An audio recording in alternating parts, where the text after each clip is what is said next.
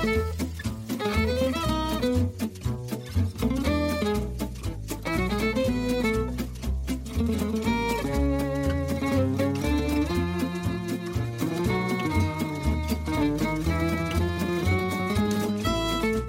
tilbake til Musett, procycling.no sin sykkelpodkast.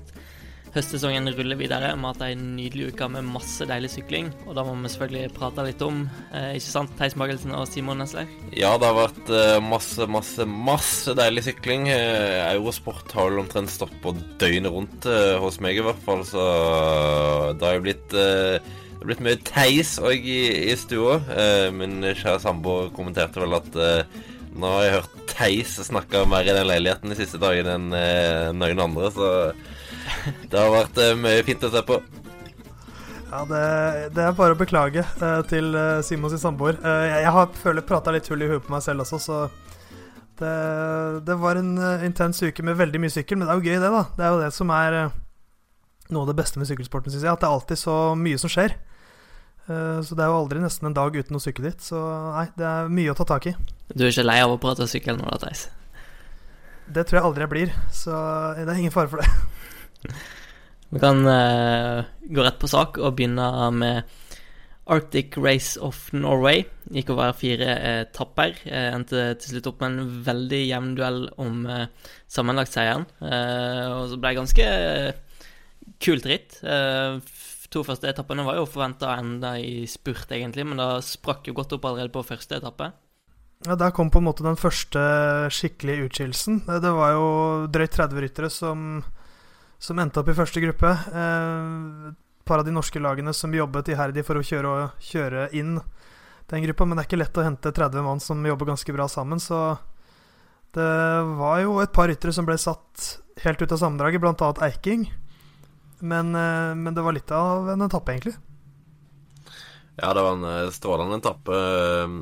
Som du er litt inne på, så fikk jo både Coop og, og Joker en del eh, tyn på i hvert fall TV2 sin sending. Jeg husker ikke hva, hva du sa i farten, Theis. Jeg switcha litt fram og tilbake i reklamepausene, men uh, uh, jeg syns jo jeg vant de kom enda dårligere ut av det når de mister både Eiking og Fligen i, i sammendraget, og du kun sitter igjen med Pascalon der framme, og han eh, ja, hans seiersjanser på etappen har ikke så Det har ikke så mye å si om det er en spurt mellom 100 mann eller 30 mann, så jeg syns vant de egentlig var den største taperen der. De hadde vel kun Pascualon i første gruppa, eh, så Og det var jo kun én kontinentalrytter fra de norske lagene der, og det var Markus Solgaard, så så skal man ikke være for streng mot dem heller. Det er jo tross alt et av de tøffeste rittene de sykler på med tanke på feltet de konkurrerer mot. Så, og det skjer jo også i Tour de France og i, World Tour-ritt at av og til så bare er det et lag som misser splitten fullstendig. Og så kan man spørre hvordan skjer det? Jo, det skjer i hvert eneste, hvert en, hver eneste gang det går en splitt, så er det jo et eller annet lag som sitter på feil side av den. Og nå var det de to, to norske kontilagene. Ja, jeg har ikke Jeg fikk ikke med meg hva, hva som ble sagt på, på TV 2. Men jeg tenker det blir litt søkt å la de få gjennomgå så voldsomt som det hørtes ut som de fikk, fikk gjennomgå. Nå. Det er litt udyktighet, ja, men òg en del uflaks. Og det var vel ingen som hadde helt regna med at det skulle bli så eh, sånn type kjøring på denne etappen. Men uansett, en eh, veldig fin åpning på Arctic Race, og som du var inne på, Knut, det ble jo et veldig fint ritt. Eh, andre etappen ble jo ganske sånn rett fram spurt, hvor eh, Brian Cocar vant foran Mathieu van der Poel. Van der Poel vant jo den første etappen, og så fikk jo vi jo denne nydelige avslutning opp eh, Storheia, som, eh, som vi snakket litt om i forrige podkast. Altså en bakke på 3,5 km på 11,8% og der fikk vi jo virkelig se en nordmann i nydelig stil. Ja, det var uh, Odd Christian Eiking, rett og slett, som uh, som tok noen skikkelig store navn i, uh, i duellen mot slutten. der Han slår Varen Bargil og Aleksej Lutsenko. Det er, uh, det er to ganske gode navn å slå. Det, er jo hans, det må jo være hans største seier, det her. Ja Jeg tror nok det er altså, Hvis du ser på de han har slått. Det er nok den største i betydning av at uh, mange får det med seg, i hvert fall i Norge. Men, men å måle to HC-seiere opp mot hverandre er vel kanskje vanskelig sport. Men uh, klart, Bragil Lutsenko, fantastisk eh, gode ryttere. Så det var nok en seier som smakte veldig, veldig, veldig godt etter Tour de France, som var Som jo var litt skuffende. Eh, men han sa jo det allerede under Tour de France at han trodde han skulle komme veldig godt ut av rittet, og det gjorde han jo virkelig. Ja, nydelig å se han klatre oppover der så kontrollert og han så, så, rett og slett veldig komfortabel ut og hadde en dårlig inngang i bakken der han måtte stoppe nesten helt opp i den belten, hadde foten ut av pedalen og kjørte seg tilbake. Og så gikk jo gruppa med Lutsenko, van der Poel, Lugol, eh, Bargil og Lunke av gårde. og Så kjørte han seg opp til den og før han, før han venta til det var 500 meter igjen og, og klinka til. Ja, det er fort, det er fort gjort å glemme litt hvor, hvor god Eiking er på sitt beste. Uh, for det er, så, det er, alltid så mye sånn prat om sykdom og litt sånn For det, liksom, det skjer alltid på, på, våren at han har en eller annen periode. Så han har liksom aldri fått ut det potensialet sitt i de virkelig store rittene, føler jeg. Men, uh, men nå har han levert min, altså én seier tre år på rad. Uh, og hvis han fort, kan fortsette å, å, bevare litt av den gode formen han hadde i Arctic Race, så kan det bli en veldig fin høst. Og så sitter jo jeg da og ergrer meg litt over den første etappen for for hvis han ikke hadde han på feil side av splitten der, så hadde det jo ikke vært two horse race mot slutten i Narvik. Det hadde vært kamp mellom Lutsenko uh, og Bargil og Eiking. Det kan godt hende at Eiking hadde tatt, tatt sammendraget da, rett og slett. Men sånn er det. Det er viktig å være på rett sted rett i sykkelsporten, har jeg hørt. Det er jo det, og, da kan det jo hende at hadde han vært med på rett side av splitten der, så av en eller annen grunn så hadde han ikke vunnet opp til, til på, på den tredje etappen, så jeg tror vi skal være fornøyd med den seieren. Så på siste etappen så kjørte han jo en eh, Bardet-variant etter å ha kjørt seg ut i sammendraget. Så stakk han av med klatretrøya etter å ha tatt eh, de to, ja, to bakkespurtene i, på um, skistua i Narvik. Eh, så han fikk jo en etappeseier og 500 kilo laks. Det er vel en eh, grei trøst.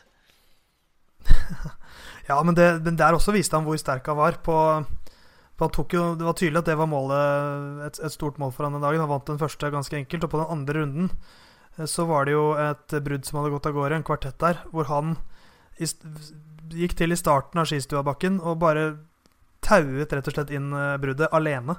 Så skjønner at han ikke hadde så mye krefter igjen til avslutninga da, for det, det kosta nok litt. Men han slutta Arctic Race veldig fint. Ja, da kjøret han satt opp på de to to første av tre runder der Navik var jo i stor grad med på å bidra til å, å skape den eh, avslutningen da med å skille rittet såpass. Ja, det ble jo ganske selektivt til slutt. En del angrep siste gangen opp, eh, hvor da Markus Holgaard klarte å snike seg unna i en, eh, en liten hvilepause. Eh, Amund Grønn Alliansen blant de som angrep eh, og, og, så veldig sterk ut. Men eh, Holgaard var den kalle det den smarteste. Uh, I hvert fall så fikk han en fin luke. Uh, og kjørte jo febrilsk nedover, uh, og det var jo mange ganger hvor det kun var tre-fire sekunder ned til gruppa bak, men så stopper det opp hele tida, og da, da holdt det akkurat for, for Markus Solgaard, og det tror jeg det var mange som unna han. Han han er en eh, fryktelig god og solid rytter, eh, og får jo da sin klart største seier i, i karrieren, så jeg tror, eh, jeg tror vi skal si eh, hatten av. Absolutt. Eh, og apropos største seier i karrieren, så var det vel ingen tvil om det har vært den største for, for Holgaard. Nei, det, det, er jo Altså, han vinner et internasjonalt proffritt på 2 HC-nivå. Det er Altså, han var jo veldig nære etappeseier i fjor. Da ble han nummer to i sammendraget. Det er jo også en vanvittig bra prestasjon, så man skal ikke glemme, glemme det. Men, men, det er litt, litt det som Simon er innom der, at det var ikke mange sekunder han hadde. Men, men han gir seg ikke. Han bare han, han, gikk all in, og det er det du må gjøre for å vinne på den måten der. Men men det var, det var jo ikke mye om å gjøre, og det var jo kult at det ble på en måte en norsk duell. Det var jo to dueller der på siste etappen. Det var duellen om etappeseieren og duellen om sammendraget. Uh, mens uh, Amund Grøndal Hansen var jo ikke langt unna. Nei, han kom i vanvittig tunge klyv på oppløpet der, og uh, altså han viste jo virkelig Arctic Race hvor, hvor, sterk han er med måten han kjørte opp store eier på. Eh, jeg husker ikke farta hvilken plassering det ble på han der, men var vel rundt tiendeplass. Tom er nummer ja, jeg skulle si 14.-plass, men uh, ja, han ja, var med han var 58 sekunder bak, i hvert fall. Uh, ja. Satte ny wattrekord for uh, 10 minutter og 13 minutter, så ja. Han var ikke Han var overraskende nær realiteten der, i hvert fall. Og da angrepet han satte inn på slutten der, det var ganske mange sekunder når han angrep der, og han holdt det gående hele veien opp eh, til nesten til Holgård, og distanserte de andre ganske bra. Så han eh, kan få en ganske god høst. Ja, hvis vi snakker om at Eiking kan få en god høst, så tror jeg Amund kan få en helt strålende høst. Eh, kjører rett videre i Danmark nå, som starter på, på onsdag. Og eh, har all verden muligheter til å kjempe om en etappeseier eller to der. Det er en del etapper med ja, hvor en har disse små, bratte bakkene, som eh, Amund har vist at han takler veldig bra. og så er det videre til Britannia Classic, hvor han ble nummer tolv i fjor. han er bedre i år, så klart der er det mulig å kjempe om veldig gode resultater. Og så Canada, eh, hvor han òg nok kan kjempe bra med, så Og så kommer det et VM òg, hvor jeg syns han ser ganske eh, god ut. Så jeg tror han får en fin høst.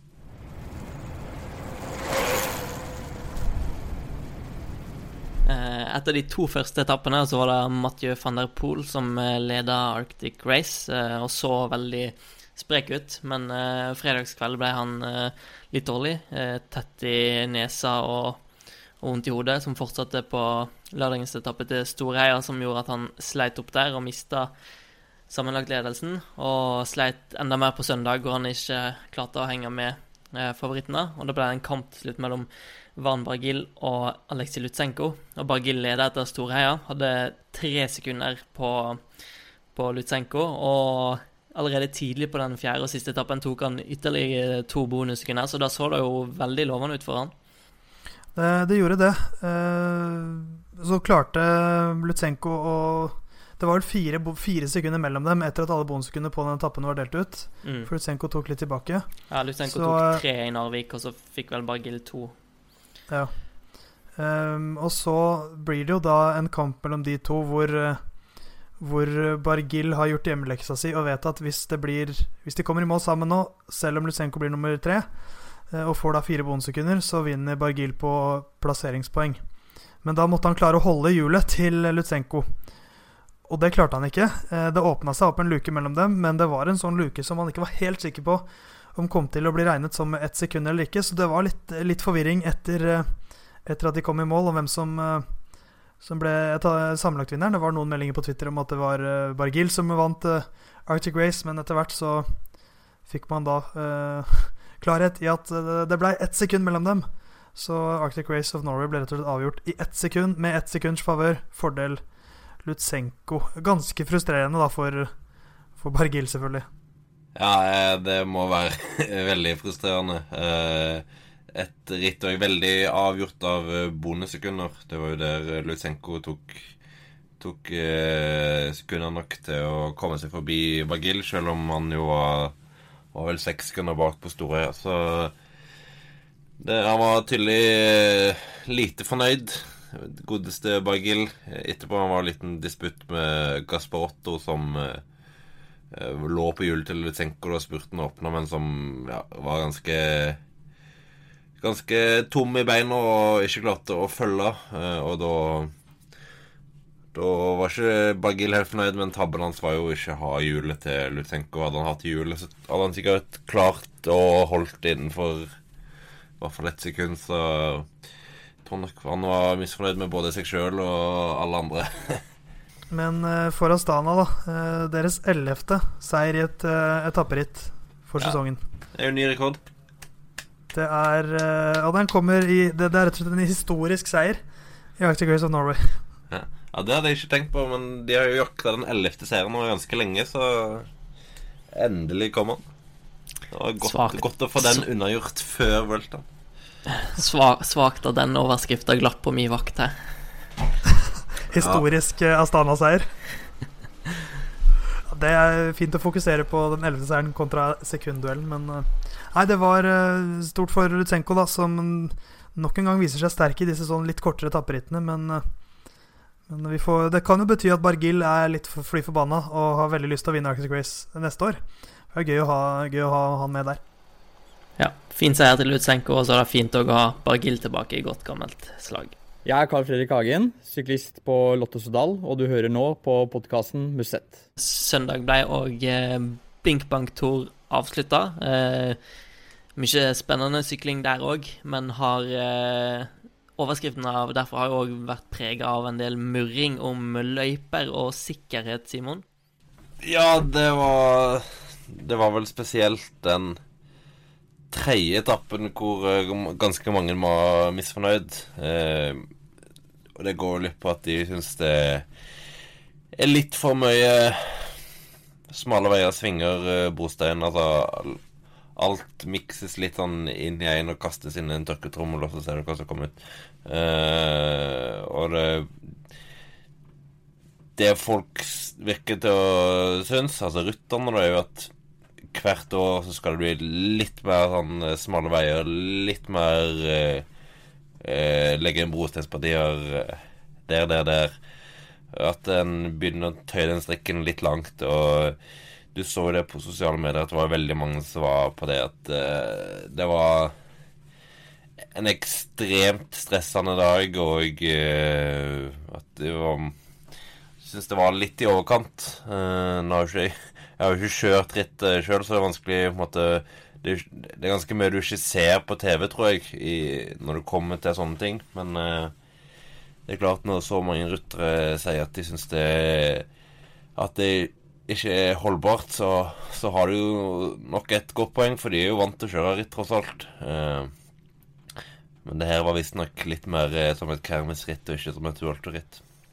Så én ting er jo å se eh, TV-bilder og helikopterbilder av felt som kommer til innsnevringer og, og, den slags, og det ser kanskje ikke så dramatisk ut, men eh, det er noe helt annet å sykle og oppleve det stresset der du konstant må, må bremse, og feltet skal fra, fra fem meters bredde til to og en halv meters bredde. Det, den stressfaktoren klarer du ikke å se nødvendigvis på TV. Nei, for det var det jeg også sleit litt med. At jeg satt jo og så på dette, og det var liksom ikke Jeg syns ikke det var noe man la veldig merke til. Eh, og så har jeg også tenkt sånn Ja, ja, det er bare én som har hatt en kjip opplevelse, at det har vært litt snowballing, og så henger alle seg på, og så blir det en stor sak. Men, men så tenker jeg videre at rytterne sier jo ikke dette etter hvert eneste ritt, etter hver eneste etappe de kjører. Og det, og det gir det jo mye mer gjør, jo at jeg tror veldig på det. At de kanskje har dratt det litt langt her. Og det var veldig mange sånne Nå skal vi avslutte med tre lokale runder her, folkens.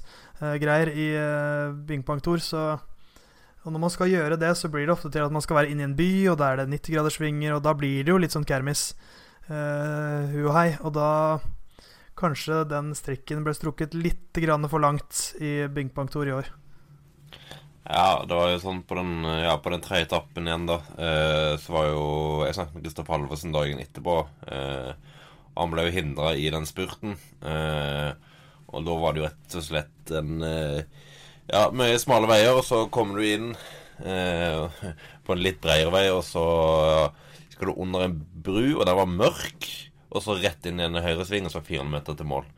Eh, og klart at når du kommer full posisjonskamp inn mot en sving til 400 meter igjen til mål, og med 50 meter før det skal du gjennom en veldig mørk bro, så eh, under så, så blir det jo fort det at uh, det skjer et eller annet, og jeg skjønner at det, det er ikke helt perfekt, i hvert fall. Så var det òg den påfølgende etappen eh, som Alvaro Hodge vant, der det var sånne eh, gjerder med føtter som ikke går ned mot bakken og går flatt ut, men er bøyd ut i sånn ja, tra tradisjonell eh, bygd, som du De er vel omtrent aldri å se på World Tour-nivå lenger. Ja, For det syns jeg nesten er verre, for det er så enkelt å unngå. Det er, liksom, for det, det er jo tross alt sånn at sykkelsporten er som den er, og man må inn i byen for å, som regel for å få liksom folk til å se på, for å få, noe, få noe ut av det her i det hele tatt. Og så er det alltid en sånn balansegang at man må jo da Altså, man kan ikke bare ha rett fram i fem kilometer. Det må være litt svinger også. Sånn er jo sykkelsporten. Men, men i hvert fall det der, det er jo ingen unnskyldning. Eh, det er liksom bare Det er det arrangøren som har dritt seg ut 100% Det kan ikke diskuteres engang. Nei. Og så syns jeg måten arrangøren argumenterer på, er ekstremt billig. Med at de liksom eh, argumenterer mot at rytterne er kjent med premissene, liksom. At de veit hva de går til. Eh, men når det er sånn at sikkert 85 eller 90% av rytterne blir sendt dit og har ikke noe annet valg fordi det er jobben deres, så liksom si sånn at ja, alle vet hva de går til, er litt sånn teit å si. Ja, det faller jo helt på sin egen urimelighet, det her. Det, så Nei, det, det var litt, litt ja til tider, men det, vi fikk jo et, noen, noen, kule etapper allikevel, da. Det var jo det var fire spurtetapper. Uh, tre som ble vunnet av Bennett, én av Hodge. Kristoffer Halvorsen klarte seg ganske bra aleine. Syklet inn tre topp ti-plasseringer, så han fortsetter å vise at han er eh, flink i posisjonskampen. Ja, jeg syns han er veldig flink. Eh, veldig god til å komme seg i relativt gode posisjoner. Så eh, her møtte han et veldig, veldig bra spurtfelt med Bennett, eh, Grønnevegen, Hodge og, og, mange flere. Så, så hanka inn eh, tre topp ti-plasseringer, og så den, han den fjerde lagt av en velt hvor han eh, var i god posisjon òg, så eh, det, det, lover veldig bra. Eh, han er fremdeles hadde en veldig Han hadde jo en dårlig sommer etter at en del kneproblemer, så jeg tror fremdeles han er på litt oppadgående kurve, så det, kan nok komme en del fra han utover. Veldig lovende. Og apropos god i posisjonskampen, Sam Bennett han er blitt helt ekstremt god der. Og vi har sett uh, to, i hvert fall to veldig tydelige eksempler nå på hvor kompromissløs han er i, posisjonskampen. I Ride London, mot, uh, der han pressa bort Amund, og så var det vel Hvem var det han pressa bort på den ene Binkbank-etappen? Timothy Dupont. Ja, og får, får et veldig viktig hjul og vinne etappene sine på to sånne, eller vinne de to seierne på to sånne manøvre. Så uh, det er skremmende å tenke på hvor bra han kan bli i quickstep. Ja, tre World Tour-seire på rad. Uh, det er ikke så ofte man ser det. Uh, spesielt ikke på det nivået der. Han har jo faktisk klart det tidligere, men da var det vel i Var det Tyrkia? Tyrkia, sikkert, ja. Ja, det var ja. Tyrkia med fem World Tour-lag så det, ja. det, er litt Det står litt mer er, status av å gjøre det her. Ja, det er, jo, det er jo en spurter som på en måte ikke har blitt sluppet helt fri. Uh, han har vært i Bora hvor uh, de har Pascal Ackermann og Petter Sagan, så da, da, er det ikke så lett. Uh, men det blir veldig spennende å se hva han får til i Quickstep neste år, for da blir jo han fort deres hovedspurter, vil jeg tro. Ja, han eller er, er det Fabio Jacobsen eller Hodge? Han er jo, han er jo foran dem. ja, Sam Bennett jeg var, jeg var, kanskje ikke helt sikker på det her før, uh, før Tour de France og sånt, men jeg vil jo si at nå så syns jeg Sam Bennett ganske klart har vært årets beste spurter. Han uh, lekte egentlig med grønneveggen i, i Binkbank Tour, uh, og jeg skal nå kjøre Vueltaen, så jeg er spent på hva han får til der. det er vel ganske lav odds på at han vinner et par etapper. Tim Velens stakk av med en etappeseier og lå an til eh, lå i posisjon til å vinne rittet sammenlagt for tredje gang. Kunne bli den første rytteren som vant eh, rittet sammenlagt tre ganger. Men uh, han sov litt i timen på Bossberg på den uh, sedvanlige Gerhardsbergen-etappen.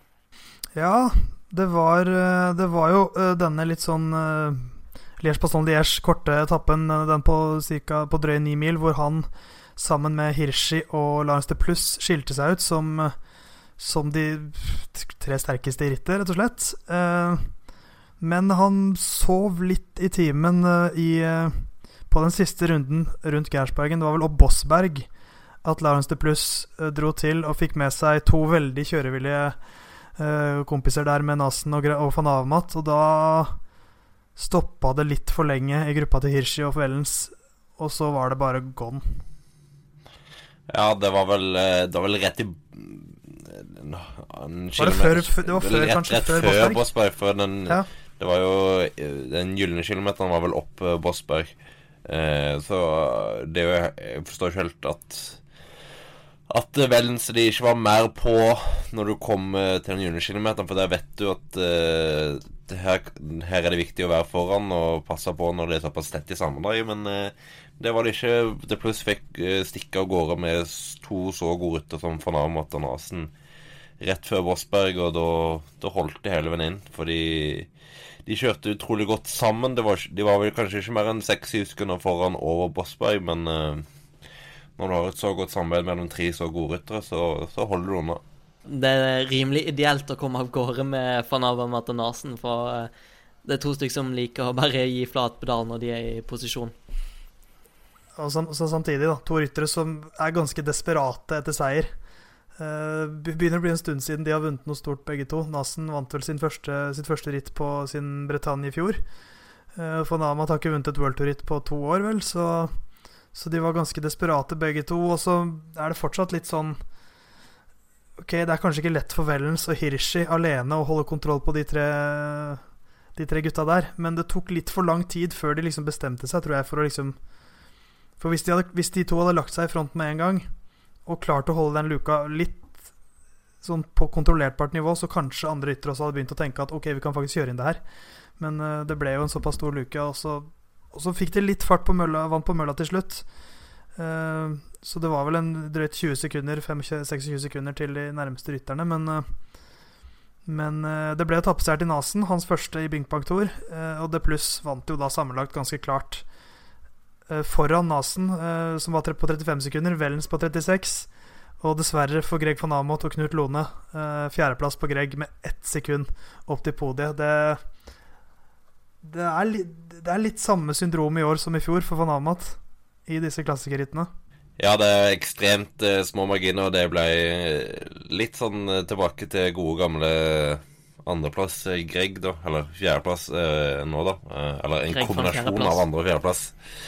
Men uh, ja, det Jeg syns jo likevel det var mye spennende fra rittet. Jeg ble veldig imponert over Mark Hirsche, kanskje spesielt, som uh, ja, folk uh, snakker veldig mye om Remco Evenepool, som har sagt tidligere, men uh, Hirschi har jo levert en strålende sommer nå, i hvert fall, med uh, tredjeplass i San Sebastian og eh, veldig, veldig bra kjøring her i, i Binkbank Tour. Eh, kun få centimeter unna å vinne den etappen til Hofalise, hvor Vellens jo vant for eh, tredje gang på rad. Han er jo Hofalise-eksperten over uh, alle Hofalise-eksperter, så han er vanskelig, vanskelig knekka der. Men uh, Hirschi imponerte veldig mye.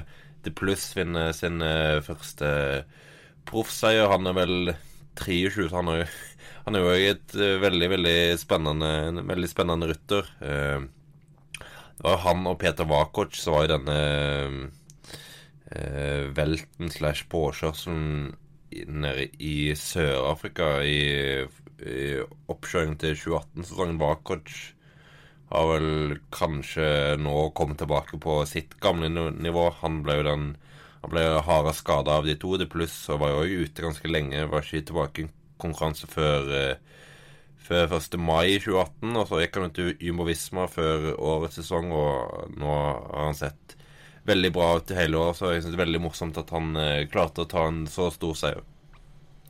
Han nevnte jo litt i pod podkasten vi hadde etter San Sebastian, at eh, prestasjonene til Hirschi drukner litt i alt Evenepool-snakket. Fordi Hirschi er bare 20 år, han òg, og da han leverer denne sesongen, er bare ekstremt imponerende. Det er veldig høyt eh, nivå over han, og det pluss som går fra Eh, ja, prima hjelperytter i fjellene i Tour de France til uh, sammenlagtseier i, i Bink Bang Tour. Det er allsidig, allsidighet på veldig høyt nivå i dag.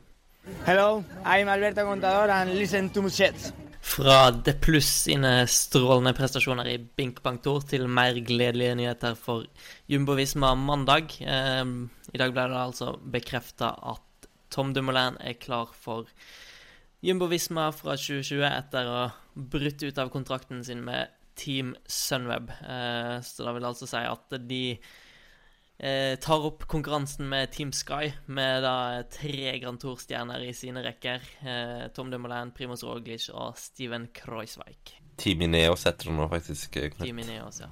Nei, men det, er- det er litt av en troika de har, da. Eh, vi kan slutte å snakke om eh, eh, det trehodede trollet til Movistar, tror jeg. For det, det som Jumbo Visma har på stell nå til neste sesong, det ser hakket mer potent ut enn den litt aldrende greiene til Movistar. Og nå som de også er litt i eh, Litt sprukket opp litt, så spent på hvordan de skal disponere Ja, ja hvordan skal de disponere de nå, da, med Krasveik, Roglic og de Molay? Og Tobias Og Foss. Tobias Foss. Åh, Oi! så Eh, krona øknet. Uh, nei, det er jo klart at uh, jeg tror at Dumoulin og Roglic det er jo de som har potensial til å vinne Grand Tours. Uh, Kreuzweig sliter med å se at skal klare å vinne, med mindre han får en sånn et, et år som i Giron i 2016, hvor alt bare går hans vei, og en del av de sterkeste rytterne ikke kommer til start. Men eh, det, kanskje, det naturlige er vel kanskje å sende type Roglic eller Dumoulin til Giron, og så kjører du den andre i Tour de France sammen med Kreuzweig. Uh, men det, det skal bli veldig spennende å se hvordan de disponerer laget. Uh, vi ser jo det laget de har sendt til Vuelta nå, hvor de har eh, Roglic, Kreuzweig, Bennett og Geschink. Eh, og Kuss og Paulus. Altså et helt rått lag. Eh, og de hadde jo et altfor dårlig lag i Giro d'Italia, men jeg tror ikke de kommer i den eh, skvisen igjen neste år, for nå ser Nå har de helt enorm kapasitet i fjellene, egentlig. Det måtte jo skje litt Selv om det virket Det var ganske harmonisk mellom Sunweb og Dumoulin ganske lenge, men eh, Men når han sikkert har fått med seg hvor mye riktig som har skjedd i Jumbo Visma de siste årene, og at det virker som om de bare blir bedre og bedre, så kan man jo kanskje ikke klandre nederlandske Dumoulin for at han har lyst til å være en del av nederlandske Jumbo Visma. Det måtte vel kanskje skje? Ja, jeg tror Jeg tror jo sånn for alle ryttere så er det jo egentlig sunt å, å komme seg inn i nye miljøer en gang i løpet av karrieren. Dumoulin har jo nå vært i Sunweb slash eh, ja, Argo Shimano og hva det heter opp gjennom året siden han ble proff, så eh, Og i år har det skorta veldig. De har hatt et tungt år. Uh, Dumoulin har jo vært skada siden giroen og og har jo da gått noen tanker, runder med seg sjøl og tankene sine og har kommet fram til at eh, han vil ha noe nytt. eh, og jeg eh, mener vel at de De har ikke klart å gjøre, hverandre bedre nå det siste, siste året. Da, da kan det være sunt å, å, å ta det måtte skrittet ut og si at nå vil jeg prøve noe nytt, og så, og så gjør du det. Og så får vi se. Jeg tror Dumoulin Jumovisma blir en stor suksess. Jeg skjønner at han, at han trenger miljøforandring. For det, han, altså det er, nå er det to år siden han vant uh, Giro d'Italia. Når giroen begynner nå til, til høsten, eh, til våren, så blir det liksom første mulighet for han å, å sykle en Grand Tour igjen. Uh, så har det gått tre år siden. Uh, da han vant sin første Grand Tour, så var det mange, meg selv inkludert, som tenkte at nå har vi en ny, ny Froome her. Dette er en rytter som kommer til å vinne minst en Grand Tour i året. Men uh, i fjor ble det nesten med dette Giro Tour-forsøket. I år har det vært eh, stang ut, så jeg tror nok Og, og jeg syns ikke Sunweb ser bedre ut i dag enn de gjorde under Giro Italia. Så de har på en måte ikke klart å har, Jeg syns kanskje ikke de har vist heller at de fortjener at han skal bli hos dem. De har stagnert litt, og da frykter kanskje at han, og han at han også skal gjøre det. Ja, de har jo ikke klart å, å få de forsterkningene på en måte hele tida. Venta på. Det har, ja, det har kommet inn noen ryttere, men så har det forsvunnet noen andre ut. Og så har du alltid mangla en, en hjelper av ekstremt eh, bra nivå. Så har du ofte skal du, skal du ha hatt Wilko Keldermann som på en måte skulle gjøre jobben, men han velter jo 15 ganger i året, så han er jo alltid skada når han skal hjelpe Dumoulin. Så, så det har vært veldig tynt. Og nå kommer han i hvert fall til et lag hvor uh, han kan være ganske sikker på at uh, det, er, det er bra med hjelp, med mindre fem av de viktigste hjelperne uh, velter ut uh, uka før etter, og det er jo lite sannsynlig. Det sier òg en del om at uh, det har blitt ganske prekært for han for å, å få skifta lag. For han signerte jo en ganske lang kontrakt med Sunweb, som han nå har brutt ut av. Så det, var, det er åpenbart at det var ganske viktig. Ja, altså, det er klart han vet at klokka tikker, han også. Han er, han er 28 år gammel. Dette er liksom hans kanskje prime, som fysisk sett. Så er det andre kvaliteter etter hvert, som også kommer inn, i spill, selvfølgelig. Men han vet at uh, det er liksom de årene her han skal sykle inn Grand Tour-seier etter Grand Tour-seier. Uh, og det er lettere å gjøre i Jumbo Visma, tror jeg, enn i Team Sunweb. I hvert fall slik det ser ut, uh, både i år og årene som kommer. en annen som beveger på seg og prøver noe, noe nytt og noe gammelt, er Philip Gilbert, som går til eh, Lotto Sodal. Ja, en treårskontrakt. Det er jo spenstig for en mann i hans uh, alder. Uh, nå skal jeg ikke si skråsikkert akkurat hvor gammel han er, men han er vel uh, 37. ja. Og da han kommer til å være 40 når den kontrakten går ut. Ja, Så da får du den der tryggheten som han ikke hadde fått i Gunnar Quickstep, hvor Lefebvre kun var ute til å fornye han på ettårskontrakt. Så nå får han tre år.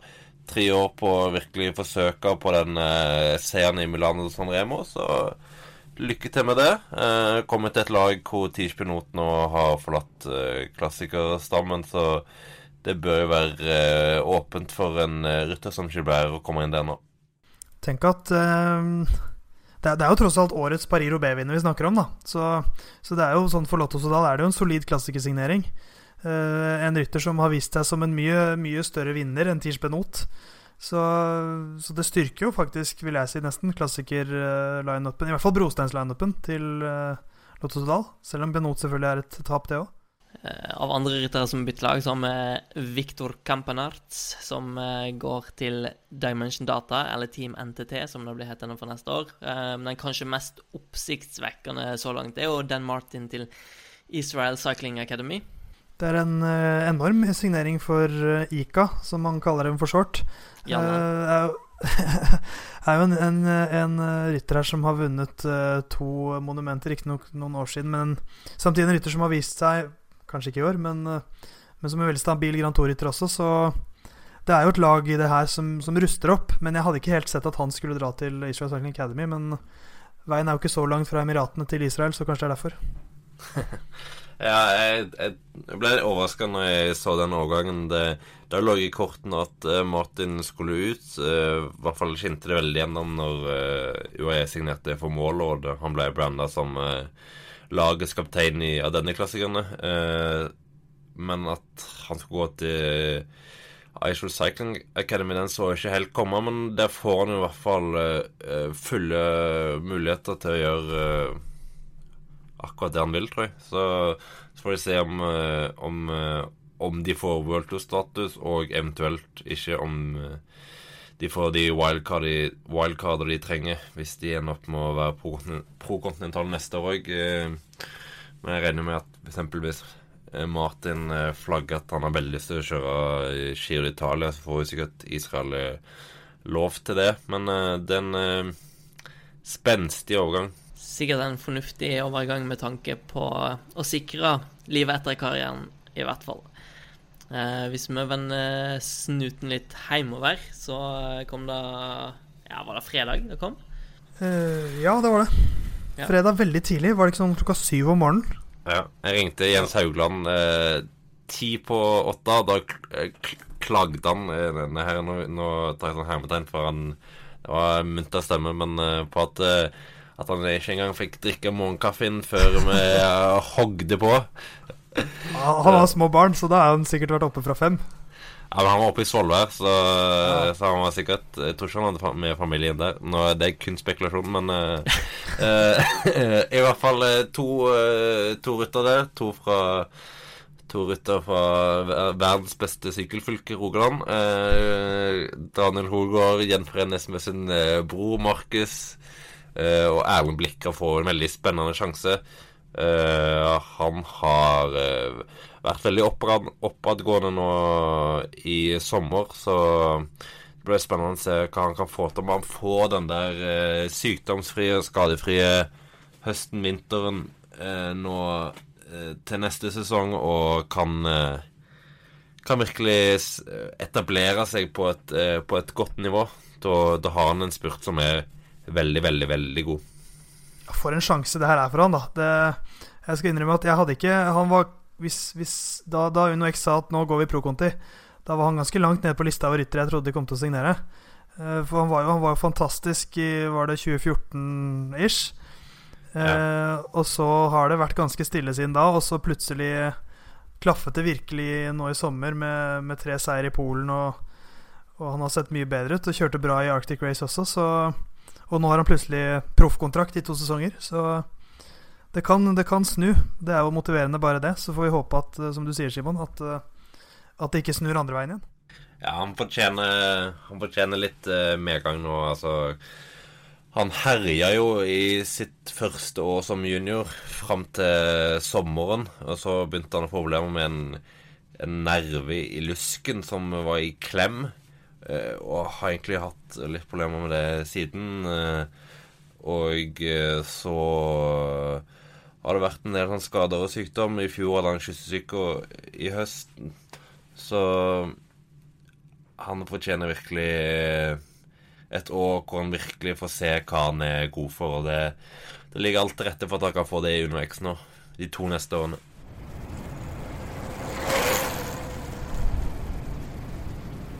Siden vi er inne i god driv i et norsk spor nå, så kan vi spinne videre til den norske sykkel-VK.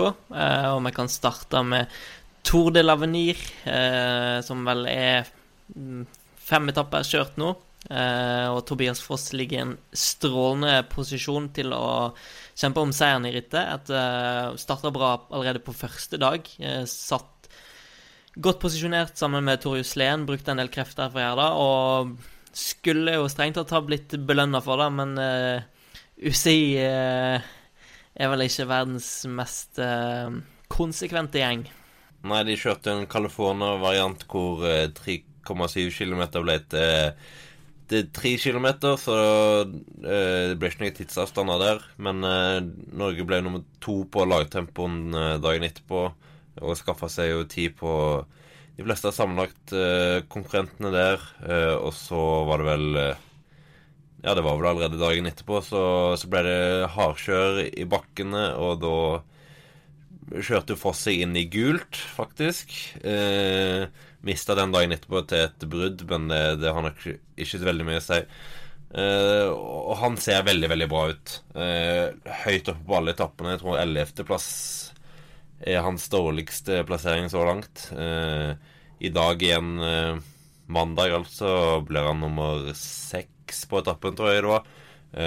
og er med i en gruppe på tre-fire ruter, så han splitter ned til feltet. Så han virker veldig påskrudd, så jeg tror han skal bli veldig veldig spennende å følge med på uh, utover uka. Uh, og så gleder jeg meg veldig til vi får se Avenir uh, på Eurosport til helga. det er alltid veldig spennende å se de unge rytterne kjempe mot hverandre der. Og apropos Eurosport, og det vi snakket om tidligere med Theisins sin stemme som har runga over hele landet i helga, så var vel eh, Vårgard et av rittene du kommenterte, Theis? Det var det. Eh, hadde en sånn eh, sylfrekk butt i butt der på lørdag, nei, søndag med Vårgårda, Binkbank og, og, Arctic. Men jeg begynte med Vårgårda, eh, som var et ganske kult ritt i år. Det var eh, veldig mye angrep underveis, egentlig. Mange av de store kandidatene og favorittene som som klinka til. Men så blei det jo da samlet igjen mot, uh, mot Vårgårda siste runde, som det ofte blir. Og det ble jo da selvfølgelig Marianne Voss som var først rundt siste sving. Så ut til at hun skulle gjøre nøyaktig som i fjor, men bare ta Bastianelli er tilbake i godt slag. Så, men det som var enda mer gledelig, var jo at Stine Borgli var bra med. Hun ble nummer ni. Vita Heine ble nummer 17, men hun var aktivt med underveis også. Hadde prøvd seg et lite angrep, så de, eh, spesielt Stine Borgli, hennes første topp ti-plassering på World Tour-nivå. Det er sterkt det i et så godt felt som i Årgårda. Og lover godt for Tour of Norway. Ja, Ladies Tour of Norway begynner nå på, på torsdag, og de, alle de norske stjernene er vel med der. Så det, det skal bli veldig spennende å følge.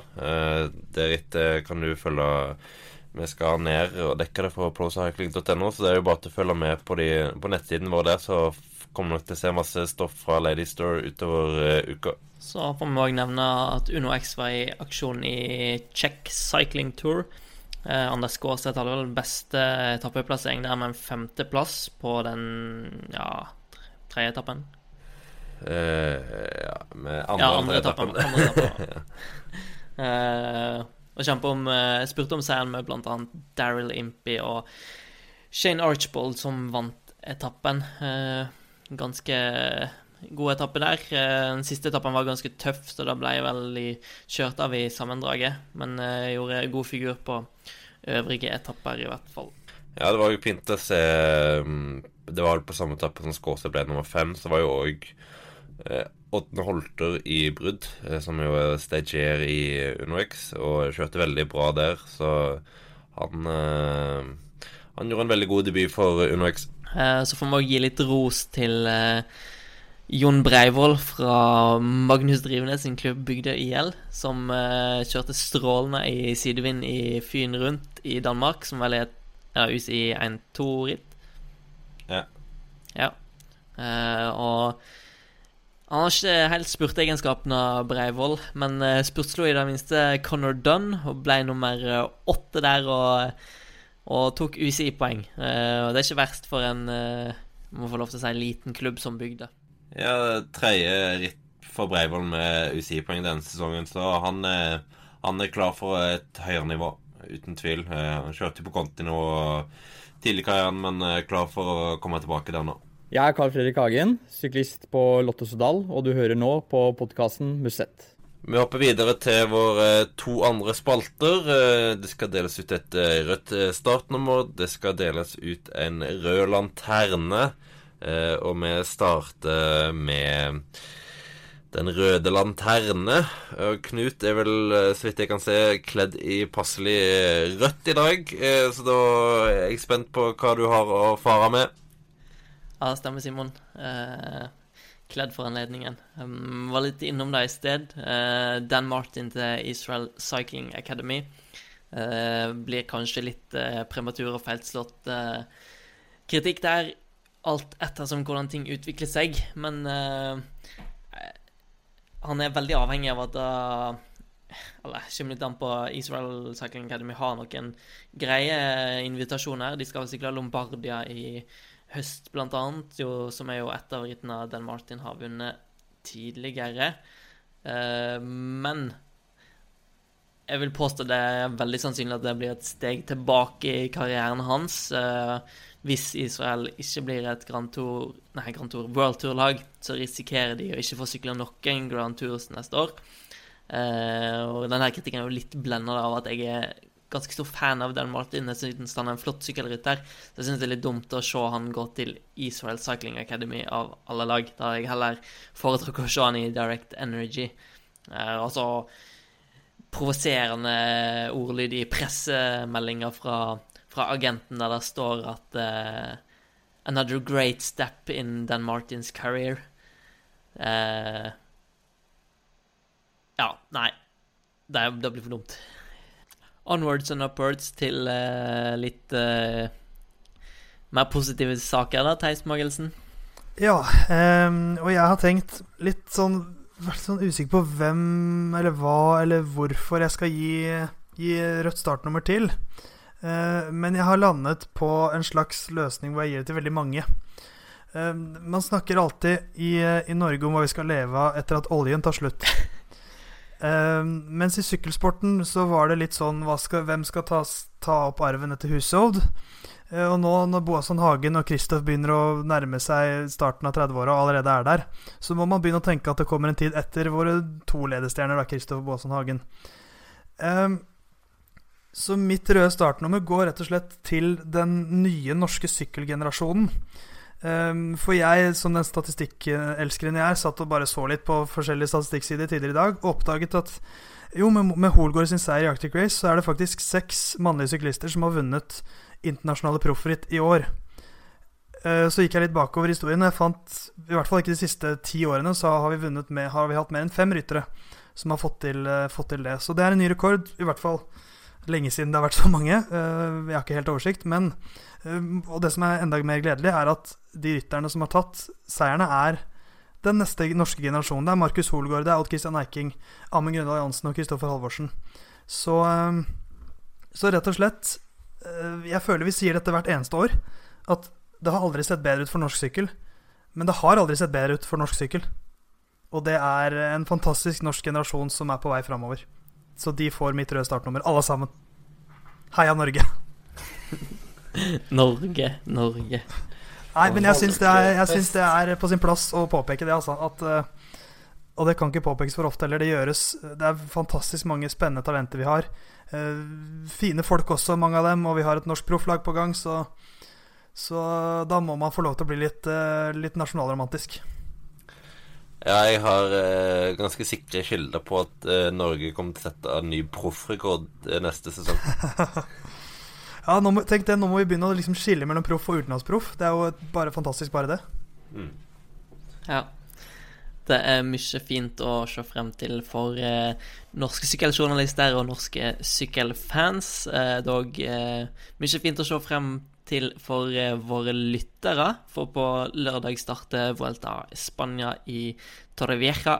Eh, og i den forbindelse må vi så klart ha en liten Grand Tour, en eh, Vuelta spesial, som kommer seinere i uka. Og eh, det var i utgangspunktet klart at vi skal ha to nordmenn med der. Carl Fredrik Hagen og Edvald Boasson Hagen. Carl Fredrik Hagen som får sin Vuelta, nei, Grand Tour-debut. eh, og Boasson Hagen som sykler Vueltaen for første gang siden 2013. Eh, og i dag kunne òg vi i Pro Cycling meddele at Rasmus Tiller òg får sin debut der. Så da skal vi vel diskutere litt mer seinere i uka. Og så får vi vel gjøre klar til uh, Theis som vanlig, da. Må uh, reise kjerringa etter Simon sin fadese forrige gang, da han sa det i feil rekkefølge. Nei, nei, nei. Nei. Nei, er streng. Nei, det var satt pris på at dere huska det, bare. Uh, vi setter veldig stor pris på hvis du gidder å ta deg bry og gi oss en liten rangering, og kanskje en kommentar i iTunes. Helst fem stjerner. Uh, eller så mange stjerner du mener vi fortjener. Så gå inn der, abonner på oss og last oss ned, og så rangerer du oss veldig gjerne. Og vi setter veldig stor pris på eh, innspill og tilbakemeldinger, så det er bare til å, å fyre løs der. Så eh, bare til å henge med på eh, procycling.no utover uka for å få oppdateringer inn mot Vuelta i Spania. Og så er det òg eh, Hamburgsa Classics på søndag. Eh, og all sykling kan du selvfølgelig se på Eurosport. Så hører du fra oss eh, senere i uka med en ny Vuelta spesial. Adios. Hasta luego. Arrivederci.